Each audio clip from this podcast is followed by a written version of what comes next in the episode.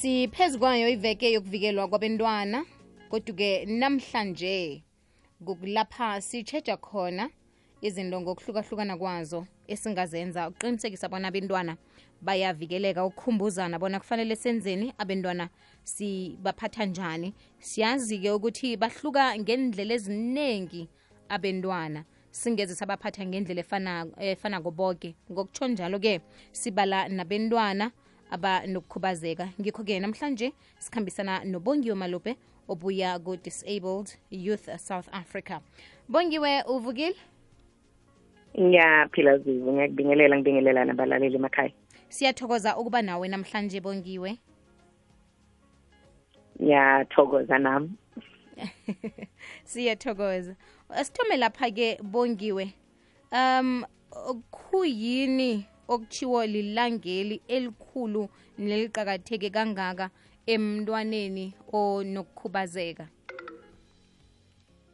Um ngiyabonga zuzu. Uh, i-child protection week ifaka wonke umntwana ifaka lo ngakhubatekile nalokhubatekile so nakubo abantwana labakhubadekile leli viki bayangena ngaphakathi kwayo njengoba i-children's act isho of 2005 ukuthi wonke umntwana needs to be protected a-protecte ngithi bantu labadzala nibatali ukuthi bathi ukuthi bantwana bahlala kwendzawo le-right uyamvikela kuto tonke tinto lesingaticabanga leti ngafaka lokungabi kahle emntwaneni nasekukhuleni kwakhe.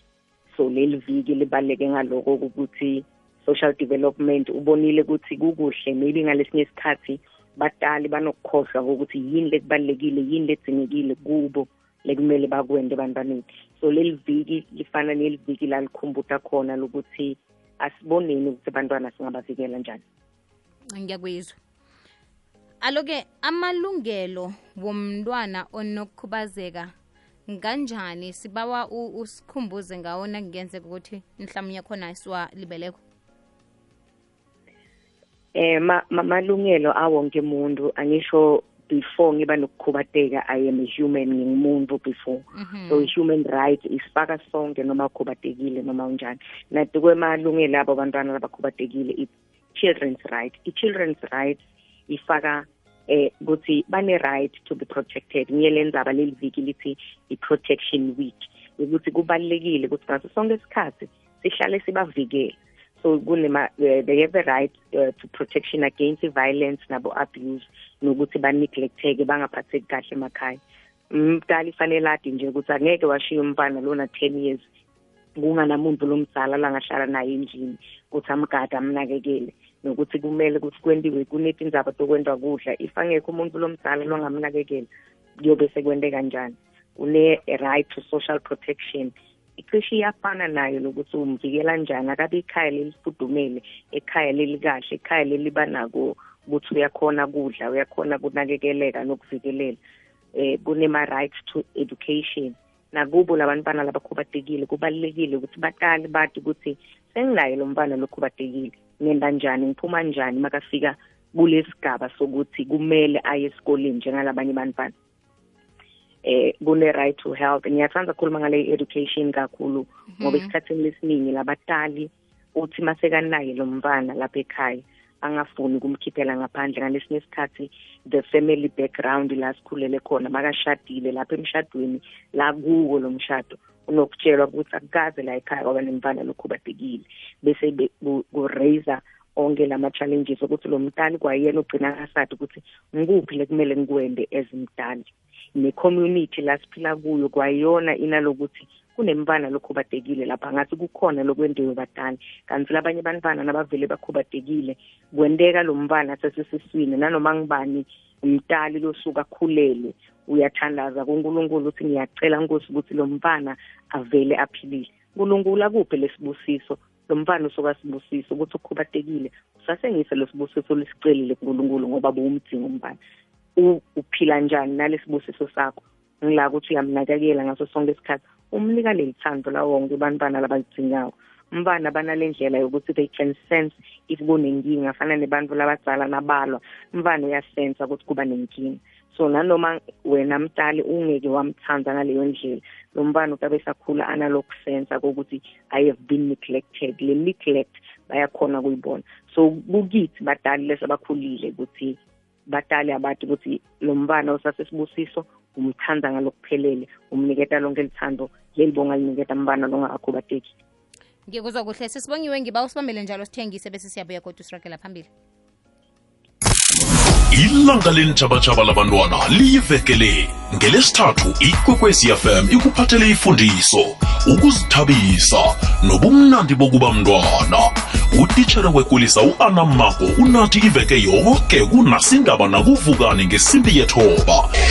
Ehlelweni ngimnawe sikuhlathula nge-international children's day ehlelweni emfakela lezefundo i-side by side ngesiqundu sesimbi yethoba. Uzuzu usifundisa ngehlala kuhle yabantwana abakhubazekileko ngemva kwesimbi yeshumi ungaphundwa zingoma ezimnandi nasiditshe nomntwana onedumo umvumi umnotho ku-triple ads noking ikwekwezi fm ibathathela phezulu abantwana. Baholi bangomuso. Hashtag vikela umntwana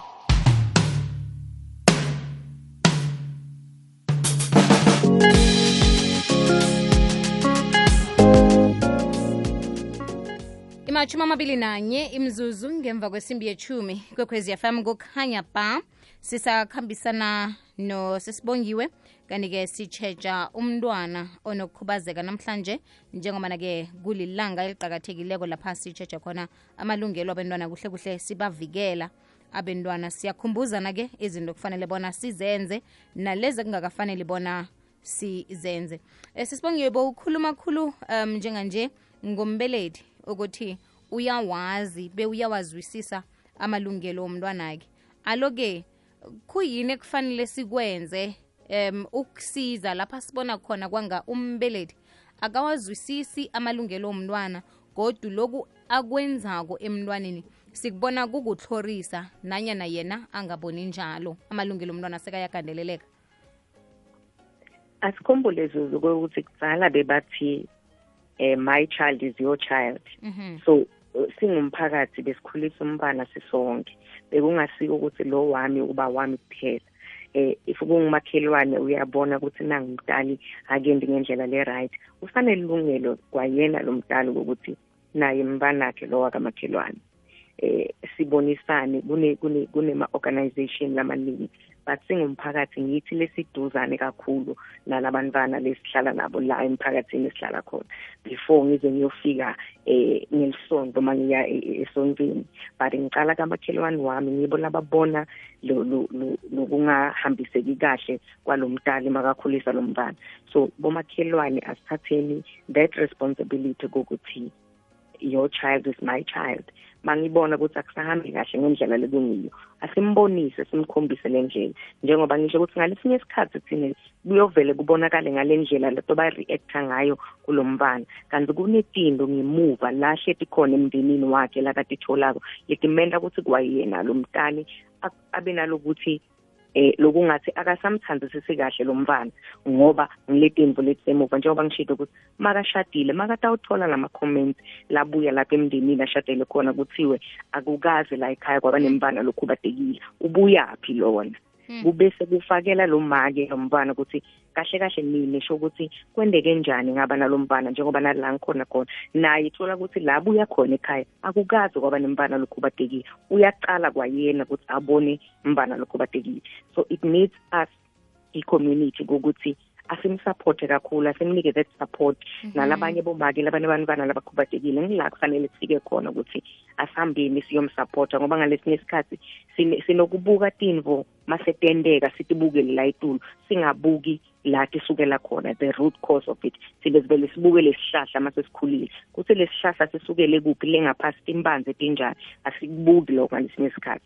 So, ngicabanga ukuthi ngilesikhathi samanje zuzo la kumele ukuthi yonke into masiyibona yenteka asifunisise kahle kahle ukuthi isukelaphi Mhm. ngikuzwa kuhle.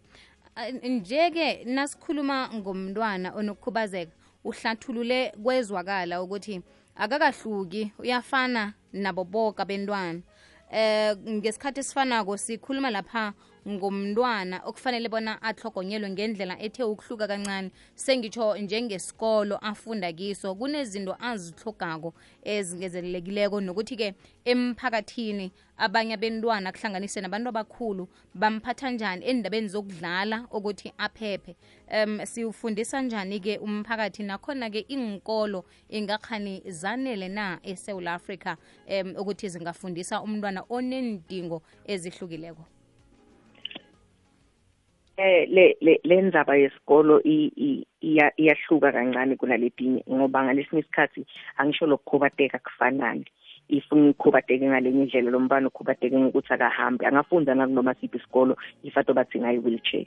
Akusiko ukuthi bonke badzinga lama-special schools. But lokubalulekile it's the attitude yale community lokubalulekile lekumele ukuthi kube ngiko lesikushintsha-ko ngoba if lo mntwana ahamba nge-wheelchair ngimsuselane esikoleni la ukuthi bantwana bakamakhelwane ngoba abantwana bantwana bayibona i-disability nabadlala ngaphandle. Ngithi batali lesichamuka nato letinto lesitshela abantwana ukuthi lo uhlukile. Abantwana babona batojabulisa ukuthi umntwana uhamba nge-wheelchair bacele nokuthi sigibelise nathi sifuna kukushova nani nani banjalo kule ndlela bakhiwe ngayo. Bese kuthine labadala yithi lesifaka lento ukuthi uhlukile lo.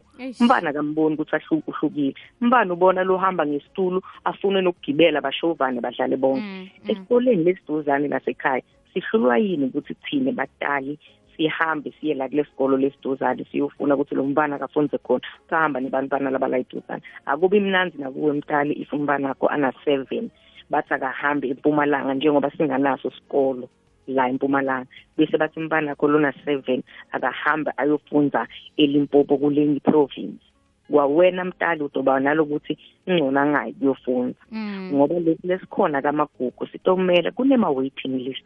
Baningi bantwana empumalanga ingaka. Sihlala thine ngasenasport baningi bantwana abavele abakhubadekile siyothatha ngakhi lesikolo bantwana? Akusibo bonke labantwana lekumele ukuthi sibayise kulama special school ngiloko lekufuna sikufunze siyi-community naloku lekumele sikutshintshe kuma attitude behavioral attitude wethu sibantu. Lendlela lesibona ngayo abantu labakhubadekile asikhumbule zuzu ukuthi umuntu lokhubadekile umuntu njengalomunye nimbana kusasenjalo. Bantwana batidlalela bakhona laba labatoba badzinga lesikolo ukuthi bayofundiswa ama-skills laba labakhubadeke kakhudlwana kunalabanye ngilabo bekufuna ngabe sibukelela bona kuleti kolo leti khona. Nebantwana labangeke etindlebeni ngiyajabula ukuthi i-sign language seyingenile it's an official language as well. We've got number twelve. Which means ngalesinye isikhathi bantwana labangeve etindlebeni sebatofunda kuma-mainstream schools ngoba the sign language sekufuna igcwale siyijwayele kuyikhuluma njengoba wonke umuntu uyafisa ukuthi afunde sindebele ngiyakhona kukuva noma ukhuluma sindebele because it's a nguni language ngiyakhona kuyi-understand ne-sign language kuyoba ngalokunjalo ukuthi sisonke kuyofuna kube yinselela kithi as a community ukuthi asifunzeni kuyikhuluma sitogwema lokho ukuthi bantwana sitothi abanaso sikolo bantwana labangeva ngoba la sihlala khona in our community asikwati ukukhuluma nabo. If sitoba sesikujwayele kuyini phela siyijwayele kuyoba lula ukuthi bonke bantwana bakhona ukungena nakusiphi isikolo lesikhona la eduzane nasekhaya. Sesiyivala sesibongiwe um kafitshazana ngingenzani-ke na ngifuna ukuvula ikhaya lapha kuhlogonyelwa khona abentwana abanokukhubazeka emphakathini engihlala kiwo?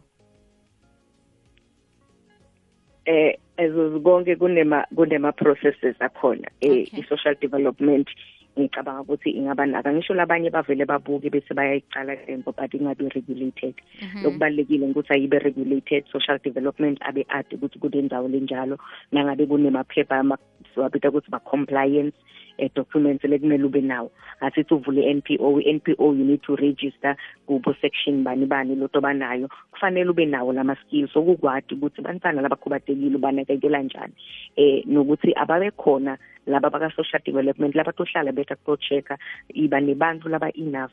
Sikhumbule ngalesinye isikhathi ukuthi njengoba ushito ukuthi bantwana labakhubadekile kunaletinye izinto letihlukile lokufanele bakhulise ngato labanye bantwana labangakakhubadeki so kudzinga lo muntu abe nelithando kudzinga labantu laba community bayi-understand kangconywana kulabantwana ngoba angeke wa-expecta lona ten lokhubadekile afane nembana longakakhubadeki lona ten. Kunendlela lakenta ngayo tinto takhe naye hayi ukuthi akatendi wenta ngendlela lehlukile mawuthi ngibekise ngalokulula uthi wena akafase tinzambo ujwayele ukuthi umbane lokungakhubateki uyovela guqa phase tinzambo. But lokhubatekile unendlela yokufasa tinzambo ngayo ngendlela yakhe. Lengeke yaphangisa ngale ndlela le kafani nalapha.